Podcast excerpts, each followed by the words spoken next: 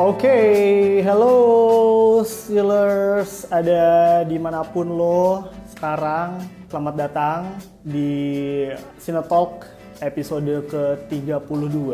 Semoga semuanya sehat-sehat aja, baik-baik semuanya, dan masih menjalankan kegiatan pada hari-hari biasa ya. Mumpung ini juga weekend, selamat beristirahat juga, mau itu di rumah atau lagi di kantor, on the way ke mana.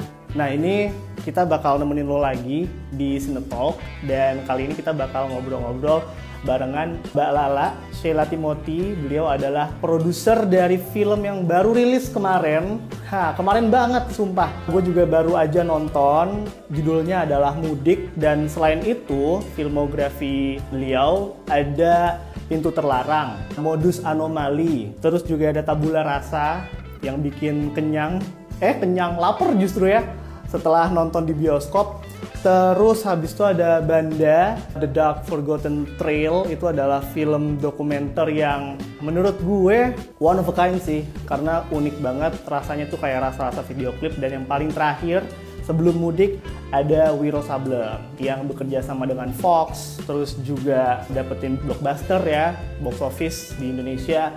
Dan gue pribadi itu suka banget sama kostum-kostum karakternya ya, itu keren-keren banget. Nah kita bakal ngobrol barengan sama Mbak Lala terkait film mudik, film yang udah bikin gue penasaran dari akhir tahun lalu. Serius, akhir tahun lalu gue kaget ketika ada film Indonesia yang masuk official selection di International Film Festival and Awards Macau 2019 itu ketika dicek nih film apaan? Ternyata film mudik. Gue belum pernah dengar itu sebelumnya. Dan sempat juga ngobrol bareng Mas Adri, Mbak Putri. Nah sekarang ngobrolnya bareng Mbak Lala selaku produsernya. Gimana beliau itu mendistribusikan film tersebut ke pasar internasional, kemudian gimana caranya dia mencari jalan keluar ketika sekarang kita sedang berada di masa pandemi, bioskop sampai sekarang ya masih tutup walaupun udah ada tanggal bukanya cuman itu kan masih rumor dan kalau flashback ke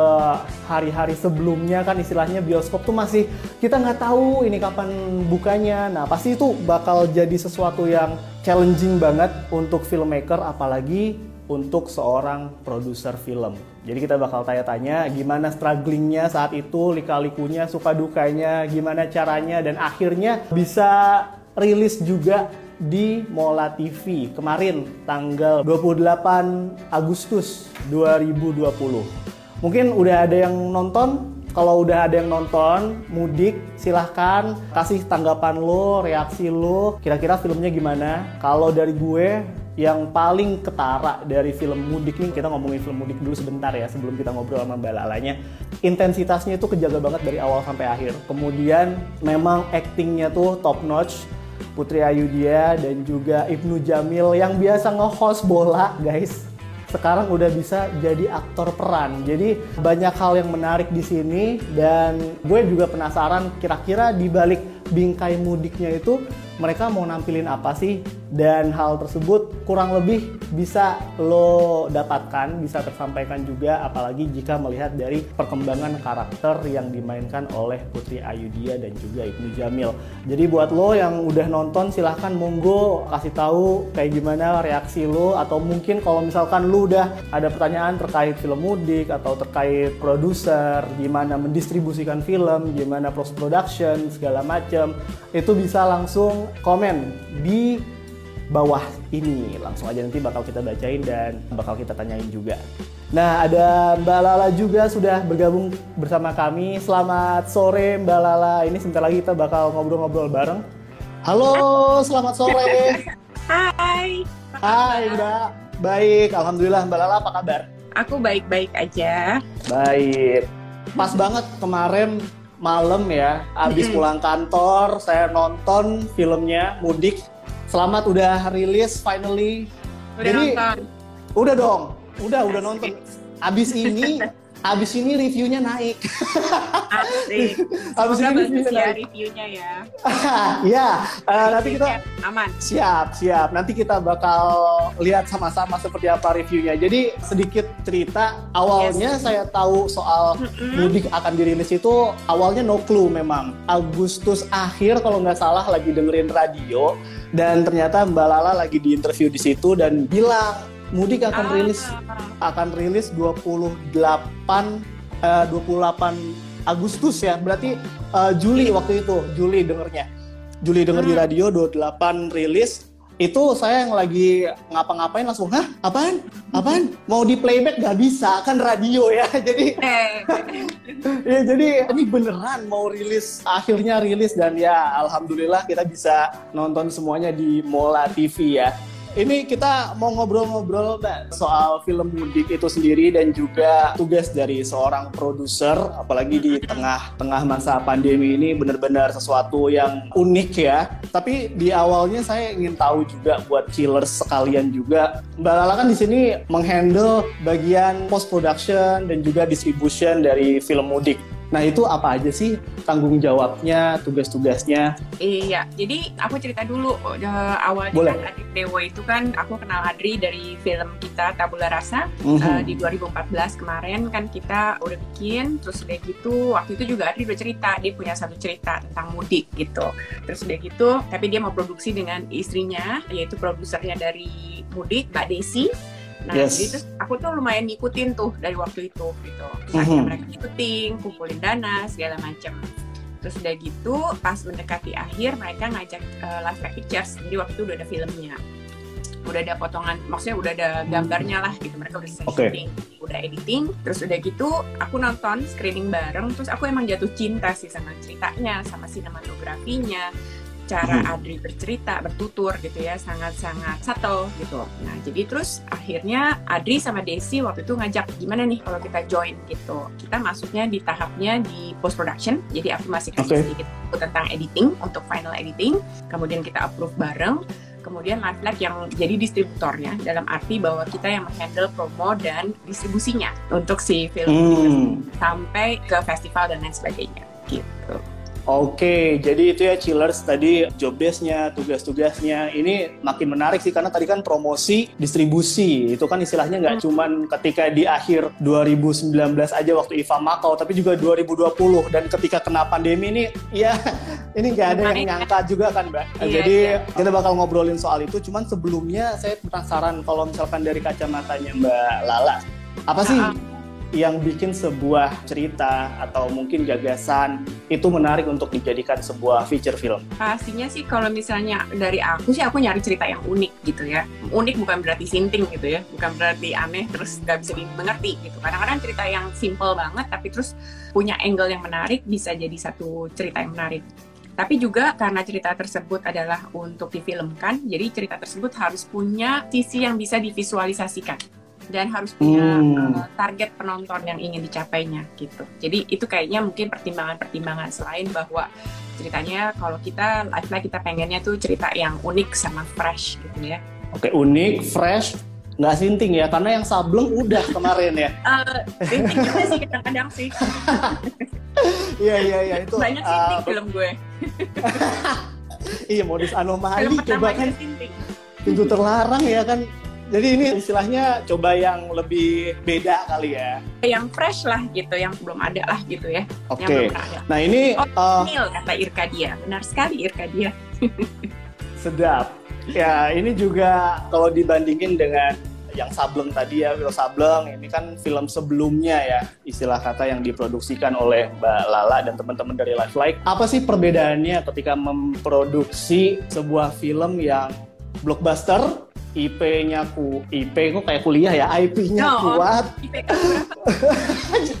jangan jangan jangan Eh, IP IP-nya kuat terus Uh-uh. juga karakternya udah dikenal semua orang fantasy action movie dengan film yang lebih personal mungkin ini mudik terus juga lebih orisinil ceritanya cerita orisinil itu apa aja perbedaannya mbak? Basically sih sama aja ya maksudnya Mhm. uh, mau produksi film itu mau budget besar atau budget kecil gitu ya Mhm. Hmm, ceritanya yang drama atau ceritanya yang fantasy atau uh, martial art yang penting itu producing itu is actually about management bagaimana Oke. memanage si produksi tersebut gitu ya memanage orang-orangnya memanage budget memanage schedule gitu jadi treatmentnya sih sama aja gitu ya tetap harus sama-sama profesional dan harus sama-sama punya hati sih ketika memproduksinya gitu. Oke, jadi itu adalah sebenarnya sama aja ya Mbak Mbak, berarti ya? sama aja Oh, sama aja ya. mau budget oh, gede nggak budget kecil tetap pusingnya sama Tapi kalau dijalanin ini bareng-bareng siapa tahu ya insya Allah bisa ya kan bisa menyapa penontonnya juga. Ini juga Mbak Lala kan mensubmit film mudik salah satu yang bikin orang aware gitu ya sama film mudik termasuk saya ketika jadi official selection di Macau kemarin. Mm, mm, mm, kompetisi lagi kan ya Iya, untuk film tersebut. Iya. nah boleh diceritain nggak mbak ketika mensubmit film mudik apakah memang disubmit ke sebanyak mungkin festival dulu atau memang wah ini gue udah ngeker yang satu ini nih kita harus sana gitu Oh, Seperti Mbak? em, jadi biasanya sih kita selalu punya strategi festival kan untuk film gitu ya. Hmm, Kita Oke, dulu, wah menarik nih. lihat dulu nih filmnya tuh filmnya genrenya apa. Ketika kita bicara tentang mudik, kita tahu bahwa genrenya itu kan drama gitu ya. Terus dari gitu Adri juga punya kekuatan di dramanya tersebut gitu ya dan karakter-karakter menarik. Jadi biasanya kita lihat dulu genrenya apa, kemudian kita targetkan ke festival mana yang kira-kira cocok dengan si film tersebut gitu. Kan Mhm, film festival di dunia tuh punya karakterisasi masing-masing gitu. Oke, Kayak misalnya ada di Sitges di Spanyol itu film festival yang khusus untuk film-film genre. Jadi benar-benar kayak horror, thriller gitu ya. Kebanyakan masuk di situ gitu. oke. Nah, lihat dari situ dulu terus udah gitu tentu juga yang kita harus pertimbangkan adalah kapan film ini ready gitu. Mhm, Karena kita harus submit film. Biasanya tuh film festival di dunia selama setahun tuh udah punya tanggal-tanggalnya gitu. Oke, uh, kapan rilisnya dan biasanya kita udah biasa bahwa sekitar hampir enam bulan sebelum festival itu mulai itu film udah mesti ready karena biasanya harus di screen dulu setelah dikirim baru ada pengumuman biasanya tiga bulan menjelang tuh kita udah dapat pengumumannya gitu nah Mhm, itu yang kita lakukan dengan mudik gitu jadi kita lihat kapan si film ini selesai dan kita meng- mulai mengkategorikan gitu ya mulai mengelompokkan festival mana nih yang bisa cocok sama mudik tapi juga sesuai dengan tanggal ready-nya gitu. Nah, yang Mhm. paling waktu itu yang paling masuk tanggalnya adalah si Macau gitu. Dan kita kenal dengan film festival direkturnya Lorna T. Lorna itu juga produser dan festival film coordinator internasional yang punya nama luar biasa gitu. Dan Oke. dia suka banget sama filmnya Adri, Tabula Rasa. Hmm, saya juga suka. Saya juga Ah, suka mbak. iya, masuk Laper di loh, itu. Iya, Nontonnya lapar gitu. itu.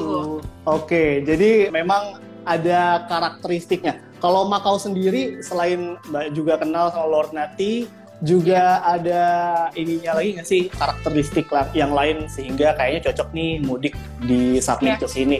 Macau tuh menarik gitu ya karena dia film festival baru sebenarnya baru tahun ketiga atau tahun keempat. Wiro juga waktu itu masuk ke situ tahun sebelumnya. Nah tapi si Macau ini merupakan film festival yang dibuat oleh orang-orang film festival dunia yang bisa dibilang udah jadi veteran gitu ya, udah punya nama Oke. semua.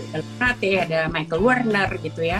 Dan mereka tuh biasanya orang-orang yang sangat punya kepedulian tinggi terhadap film-film di Asia gitu. Oke. Nah, jadi Macau punya kekuatan itu untuk ngeboost dan dia sangat-sangat agresif banget gitu ya. Pengen jadi film festival eh, besar juga di Asia gitu. Jadi menarik banget waktu mudik masuk ke sana. Eh, salah satu jurinya ada dari Indonesia juga Dian Castro. Selain Dian, terus udah gitu Asmara Abigail waktu itu juga dapat award sebagai Ya. eh, ya kan newcomer di Asia gitu. Terus udah gitu juga eh, yang aku dengar gitu mudik tuh lumayan dipertimbangkan banget hampir jadi pemenangnya sebenarnya waktu itu.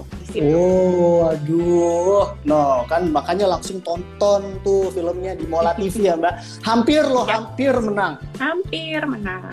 Hampir Tapi menang eh, ya. jangan iya benar jangan lupa nonton dong di Mola yang udah langganan Mola bisa langsung beli jadi pay per view. Tapi kalau yang nggak punya langganan Mola bisa juga beli hanya per view-nya aja gitu ya. Cara-caranya ada di akunnya Live Like, relate sama akun aku juga gitu dan para Mhm. pemain gampang Yeah. banget deh pokoknya. Saya tadi, eh tadi, kemarin tuh sekali, nggak langganan yang gue cuman pengen nonton mudik doang, Hmm. bisa. Iya bisa, bisa. bisa. Dan itu gampang banget. Jadi nggak gampang ribet, banget. nggak kayak OTT Iya. yang lain. Kalau OTT lain kan lo ribet gitu ya, mesti Iya. langganan dulu sebulan gitu. Nah, Mm-mm. Mola nih berbaik hati banget nih sama kita gitu, membantu banget nih untuk industri film nasional gitu, karena Iya. bukan penontonnya. Kembali lagi ke film-film festival, biasanya kalau misalkan lagi rilis di bioskop, saya pribadi deg-degan, Mbak. Kenapa? Hmm. Karena ini film tahan seminggu nggak ya, gitu.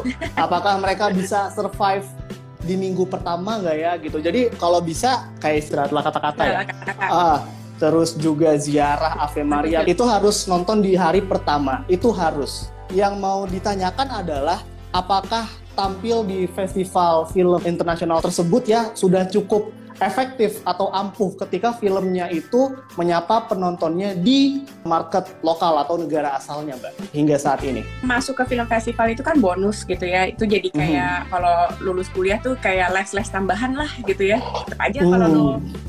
kalau lo ngelamar kerjaan tuh nggak bisa pakai ijazah les komputer gitu kan. Iya kan, sama les Inggris gitu. Jadi tetap aja filmnya sendiri yang akan berjuang, tapi masuk festival itu jadi CV, tambahan kredit buat si film. Bagian dari promosi juga, karena kita membesar, misalnya mudik waktu itu Desember tahun lalu masuk di Macau Film Festival. Nah kita sebagai distributor kita akan pakai itu sebagai Mhm. bahan memperkenalkan mudik ke audience. Jadi mulai bikin press release gitu ya, kirim ke media-media, ngejelasin bahwa ini ada film buatan ini, ini, ini, ini, karya Indonesia masuk ke Macau, terus nanti akan tayang di tanah air gitu. Jadi kayak semacam bahan promosi juga gitu ya, bahan untuk media. Tapi juga apa selain itu juga film festival itu jadi showcase buat filmnya untuk bisa dijual ke teritori negara lain. Karena biasanya Hmm. itu ada sales agent, ada distributor yang kumpul gitu. Nah, pertanyaannya kalau ditanya misalnya apakah masuk film festival duluan itu jadi golden ticket untuk sukses di negaranya? Belum Iya. tentu gitu. Oke. Jadi penilaian penonton yang akan menentukan apakah film tersebut akan box office atau sedikit atau sebanyak dan lain sebagainya. Tapi juga seberapa besar promosi yang dikeluarkan untuk mendukung film tersebut gitu. Film mau bagus kayak apa juga kalau nggak ada woro-woronya orang nggak tahu Hmm. juga percuma gitu. Iya. Untung saya dengerin radio waktu itu ya. Aduh, jodoh artinya kita. Aduh, itu soalnya nungguin banget, nungguin banget karena di akhir tahun 2019 kan ngobrol sama Mas Adri dan Mbak Putri.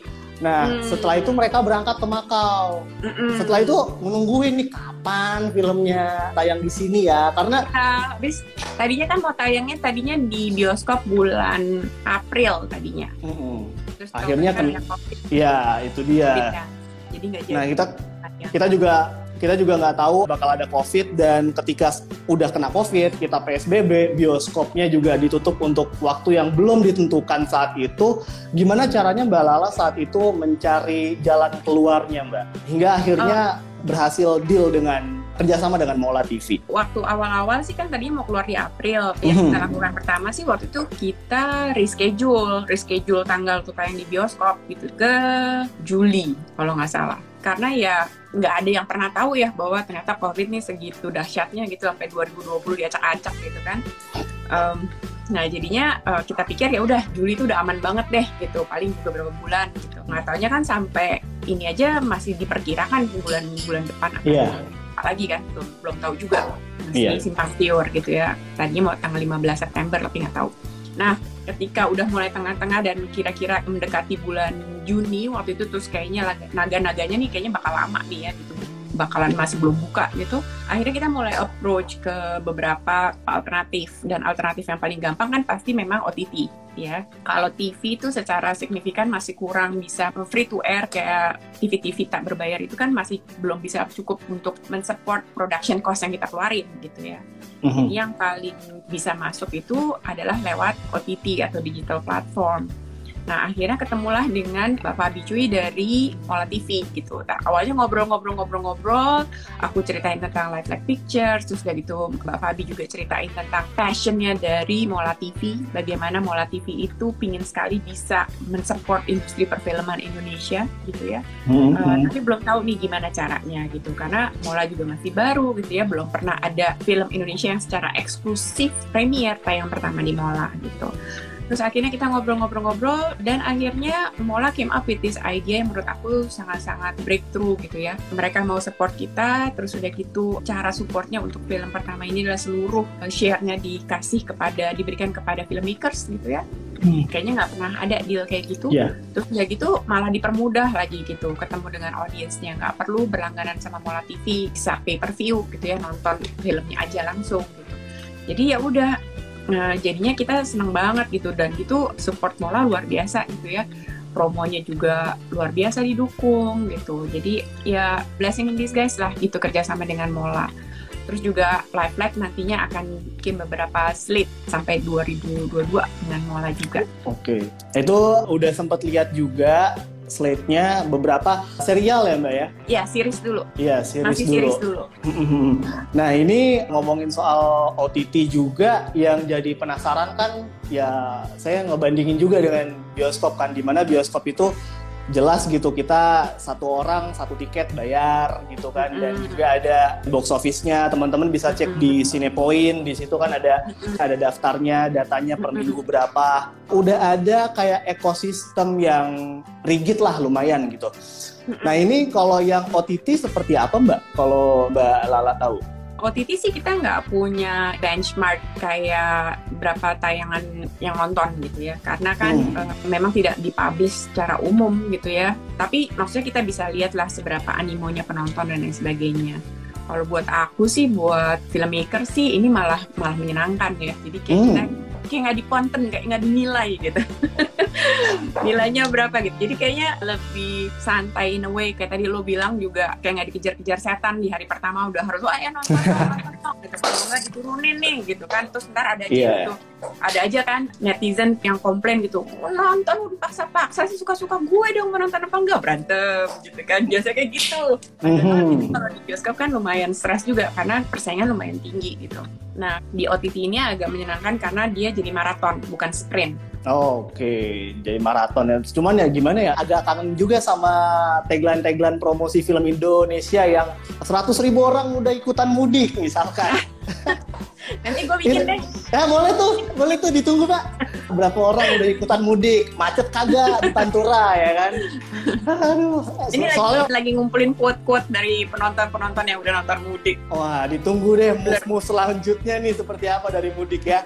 Ini juga tadi udah dikatakan bahwa ada OTT, bisa bikin filmmakernya lebih relax, mungkin ya nggak sprint juga di minggu pertama harus dikebut pertanyaan berikutnya adalah apakah akan mengubah peta distribusi dari sebuah film Indonesia? Karena beberapa hari yang lalu saya sempat hadir di virtual seminar mungkin ya sama Netflix, teman-teman dari Netflix dan ada satu kata-kata yang menarik. Mereka bilang bahwa sekarang tuh bukan A atau B, tapi A dan B gitu. Jadi apakah nggak tahu ya saya mikirnya kayak apakah nanti film Indonesia ada yang rilis di bioskop ada yang rilis di OTT doang atau ada yang nanti OTT doang habis itu ke bioskop atau bagaimana? Nah se seperti apa Mbak Lala melihat peta tersebut ke depan uh, ini peta dunia sih nggak cuma di Indonesia doang kan gitu ya hmm. uh, sebenarnya kan kita udah ngobrolin kayak gini udah dari beberapa tahun yang lalu ketika digital platform mulai muncul gitu semua menduga-duga sampai kapan sih kira-kira bioskop bisa survive gitu.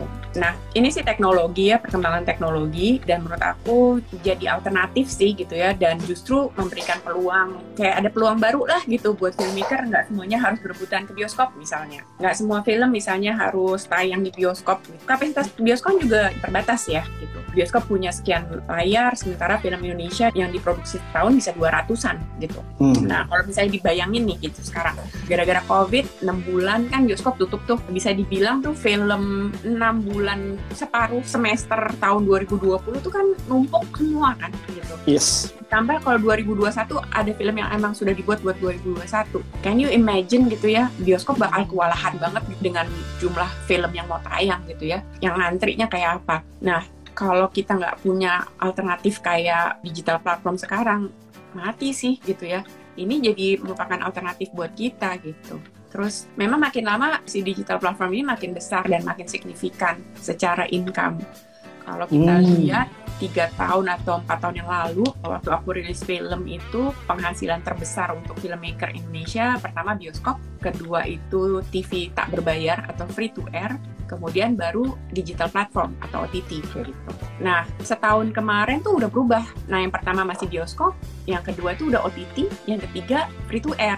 Jadi OTT ini udah mulai mulai signifikan secara penghasilan gitu. Nah dengan adanya si COVID ini berubah lagi nih gitu. Uh, jadi yeah. kayak mungkin ada beberapa yang benar-benar jadi original gitu ya, tayang eksklusif di OTT, tidak tayang di bioskop gitu. Ini sih perkembangan aja sih, perkembangan apa yang terjadi di industri film dan teknologi gitu. Kalau kayak kita lihat kayak misalnya tahun lalu, tahun lalu ya, yang Okja. Mm, ya, yeah, Bong Joon-ho kan original Netflix kan gitu. Yes. Uh, terus waktu itu kan dia masuk ke Cannes Film Festival gitu. Betul. Itu juga jadi perbincangan luar biasa gitu. Bisa nggak nih gitu. Tapi kan ternyata Tuhan memang punya rencana luar biasa gitu tiba-tiba kita dikasih COVID-19 semua berhenti yang tadinya misalnya nih kayak festival-festival gitu ya FFI Oscar persyaratannya itu kan harus tayang di bioskop yeah. sebelum yes. dia bisa eligible gitu eligible gue kayak yeah. kata-kata itu sih eligible masuk di festival tersebut gitu Nah mm-hmm. sekarang kan nggak bisa gitu orang bioskopnya nggak ada gitu kan jadi mau nggak mm-hmm. mau itu di, dihilangkan gitu persyaratan tersebut gitu. Emang lucu sih tiba-tiba berubah zut gitu semuanya iya, berubah. Jadi kayak blessing in disguise juga ya mbak ya? Iya iya. Oke tuh Mas Ibnu Jamilo bilang iya. nonton di Mola TV cukup tujuh belas ribu saja. 24 jam bareng sekampung.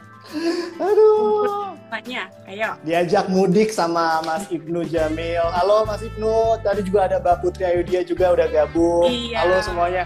Ini kita masih ngobrolin soal film mudik dan juga transisi dan adaptasi film-film Indonesia ke depan. Soalnya kami di Cineverse juga sebenarnya waduh yeah. bukan sebenarnya kangen banget sama film Indonesia yang rilisan baru gitu. Ketika yeah. PSBB ya kalau dari film Hollywood mereka masih ada lah ya Netflix lah hmm. apalah kan banyak.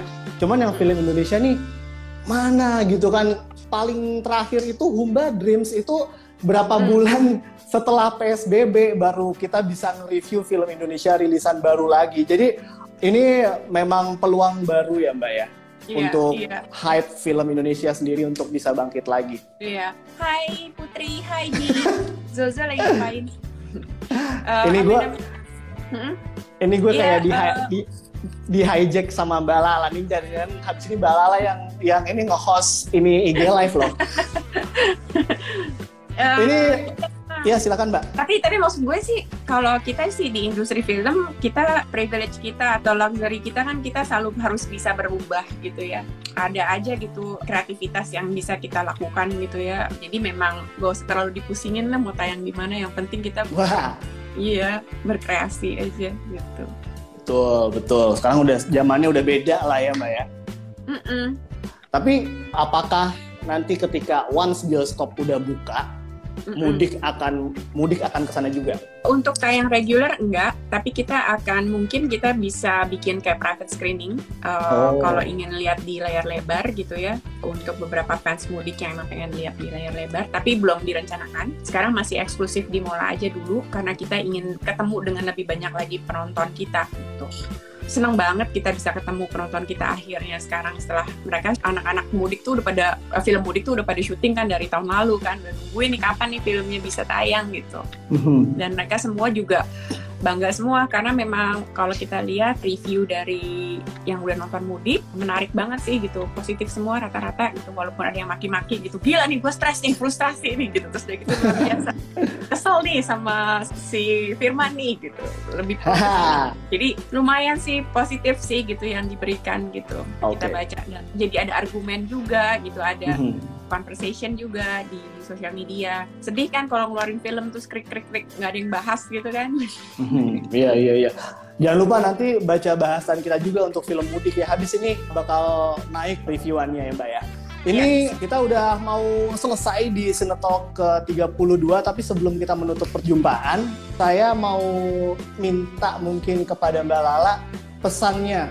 Ini kan soal mudik, dan yeah. banyak orang yang nggak bisa mudik dengan terpaksa di tahun ini karena pandemi. Apa pesan Mbak Lala untuk kami nih yang nggak bisa mudik tahun ini?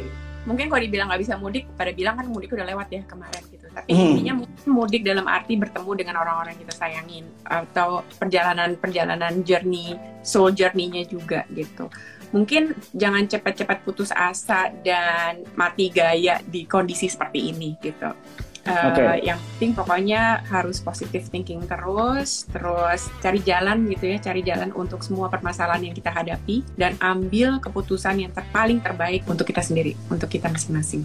Sedap. Oke deh kalau seperti itu. Jangan mati gaya walaupun lagi pandemi ya. Iya. Itu tadi Ngapain dari aja lah ngerajut iya. ya atau apa gitu. ngerajut ya. Oke lah. Merajut film maksudnya gitu loh. Akhirnya kan rilis juga di OTT platform kan di Mola TV. Jadi buat chillers langsung aja lo tonton filmnya. Mudik di Mola TV, sistem pembayarannya untuk nonton mudik doang bisa, gampang banget caranya, cuman bayar tujuh belas ribu aja ya mbak ya kemarin sih yes. itu tujuh belas ribu dan lo bisa nonton filmnya filmnya keren intensnya tuh kejaga banget dari awal sampai tahap resolusi lah istilahnya gitu gue ngeliat Aida naro koper di di apa di tempat, tempat tidur. tidur di scene awal itu iya. ah ini ada nggak be ini ada nggak iya. beres nih nggak beres ini nih iya, gue juga jadi jadi memang banyak kelebihan yang ada di film ini so don't miss it guys lu langsung aja nonton filmnya dan thank you banget buat Mbak Lala udah gabung di Cinetalk sama-sama terima kasih Sukses juga terus. yang udah ikutan di sini makasih thank you juga thank buat you. seluruh chillers yang udah hadir iya sukses terus buat Mbak Lala untuk live like untuk seluruh film-filmnya dan untuk seluruh filmmaker yang ada di Indonesia ya. Thank you banget dan jaga kesehatan terus ya Mbak. Ya, sama-sama. Ya, Thank you bye. Bye. Oke, itu Chillers. Tadi ngobrol-ngobrol kita barengan Mbak Lala, Sheila Timothy soal film mudik. Jangan mati gaya, walaupun sedang corona. Itu salah satu yang bisa kita petik dari film tersebut. Dan untuk film mudiknya sendiri, lo bisa tonton. Tadi udah ada di Mola TV, filmnya bagus Gue pribadi suka sama filmnya. Jangan lupa follow juga Cineverse, baik itu di Twitter, terus juga di Instagram. Kalau di Twitter ada at Cineverse underscore ID. Untuk Instagram ada at cineverse.id. Thank you banget buat seluruh chillers yang udah gabung pada sore hari ini. Sehat-sehat terus semuanya. Dan kita ketemu lagi di episode minggu depan. Bye!